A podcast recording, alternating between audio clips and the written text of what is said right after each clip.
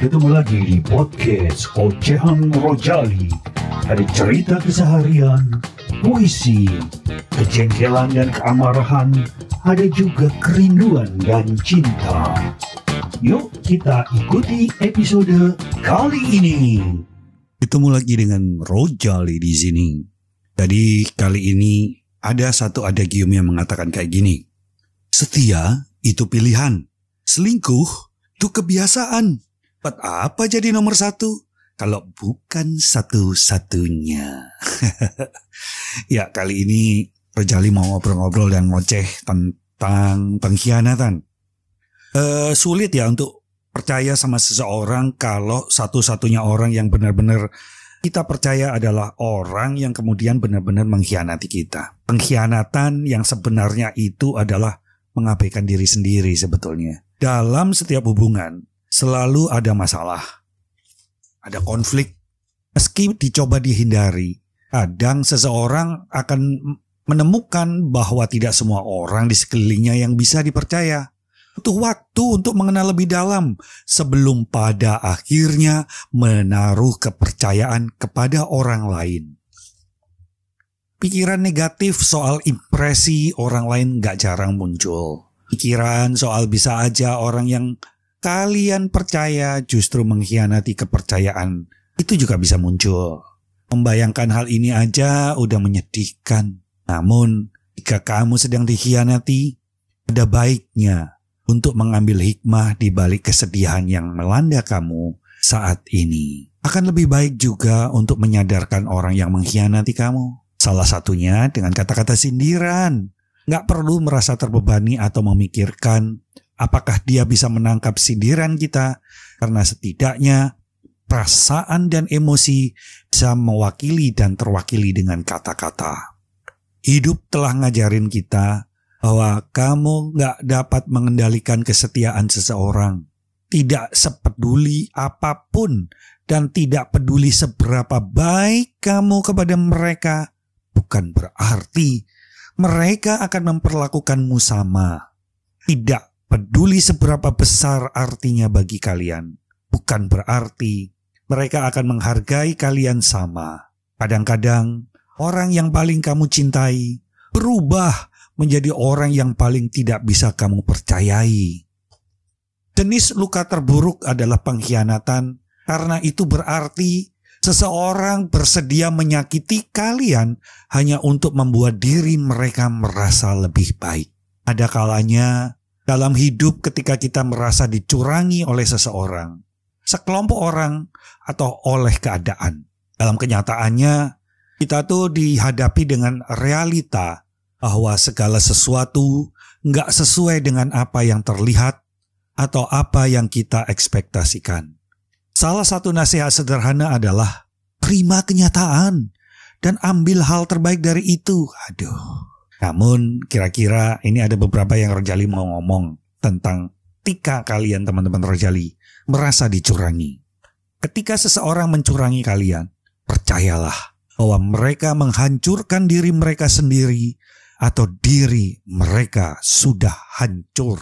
Mereka secara langsung mengancam kepribadian mereka sendiri dan hubungan mereka sendiri dengan orang lain dengan merusak kepercayaan dalam berbagai hal, mereka sudah hancur luar dalam. Satu, kenyataan memang pahit dan menyakitkan. Tapi itu jauh lebih sehat daripada bertahan dalam pengkhianatan yang selama ini kamu percayai. Hal yang menakutkan dari kebohongan yang gak terungkap adalah itu yang akan menghancurkan kalian lebih parah dalam jangka panjang dibandingkan kebohongan yang telah terekspos. Ingat-ingat aja, kebenaran akan menyembuhkanmu walau awalnya itu menyakitkan. Kedua, apa ya? Berargumen dengan seseorang yang memang berniat menyakiti kalian itu gak menghasilkan apa pun selain luka dan rasa sakit. Sejujur, sejujurnya, sejujur, ngomong apa sih gua? Sejujurnya, kalian akan jadi pribadi yang tampak kuat dan berwibawa dalam argumen terkait pengkhianatan ketika kalian tetap diam. Karena mereka nggak akan menyangka kalian tetap diam. justru pikiran dan rasa bersalah mereka sendiri yang akan menghancurkan mereka ketika kita diam. Yang ketiga, mendoakan seseorang dengan baik selalu jadi hal terbaik sih. Bahkan jika mereka nggak layak mendapatkannya.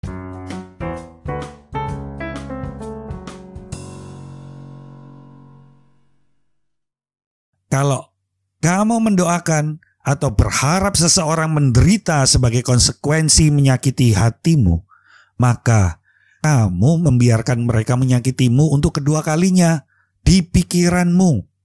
Sudah, anggap aja perasaan dan orang tersebut layak disingkirkan dari bagian hidupmu.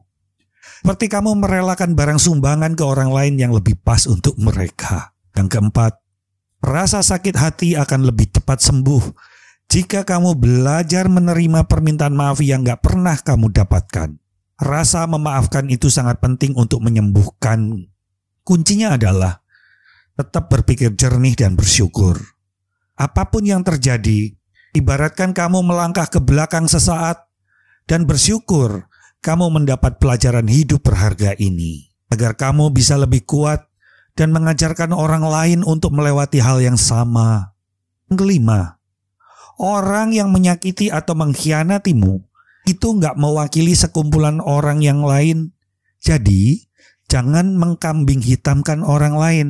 Semua orang setidaknya pernah mengalami satu kali pengkhianatan dalam hidupnya. Ketika itu terjadi padamu, jangan sampai tindakan menyakitkan orang tersebut merusak kepercayaanmu pada orang lain. Yang keenam, Jangan biarkan mereka mengambil pribadimu yang seharusnya baik. Sebuah hadiah yang menakjubkan dan bisa mengubah hidupmu jauh lebih baik ke depannya.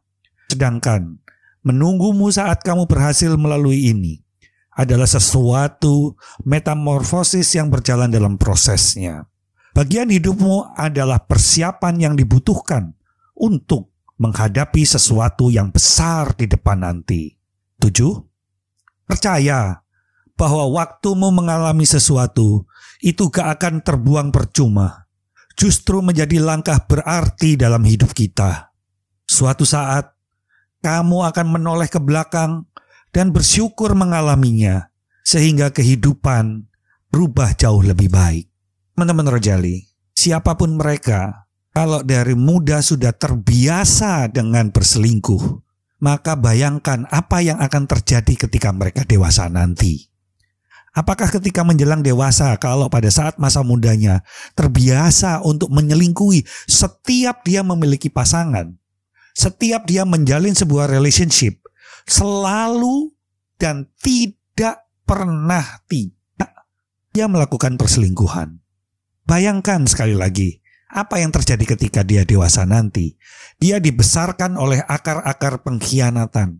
Akankah mereka menjadi pribadi yang anggun? Akankah mereka menjadi pribadi yang baik? Akankah mereka menjadi pribadi yang terpercaya? Sampai di liang kubur mereka akan hidup dalam kebohongan dan pengkhianatan yang akan dibawanya setelah matinya. Teman-teman Rojali, gue yakin saat ini ada sebagian dari kalian dikhianati oleh orang yang kalian percaya. Ini tidak mengenal gender. Justru akhir-akhir ini pengkhianatan dari wanita menjadi jauh lebih banyak daripada pengkhianatan yang dilakukan laki-laki. Dulu mungkin laki-laki masih banyak nakal di luar. Tapi wanita nakal dari dalam tanpa kelihatan mereka mengatakan pengkhianatan.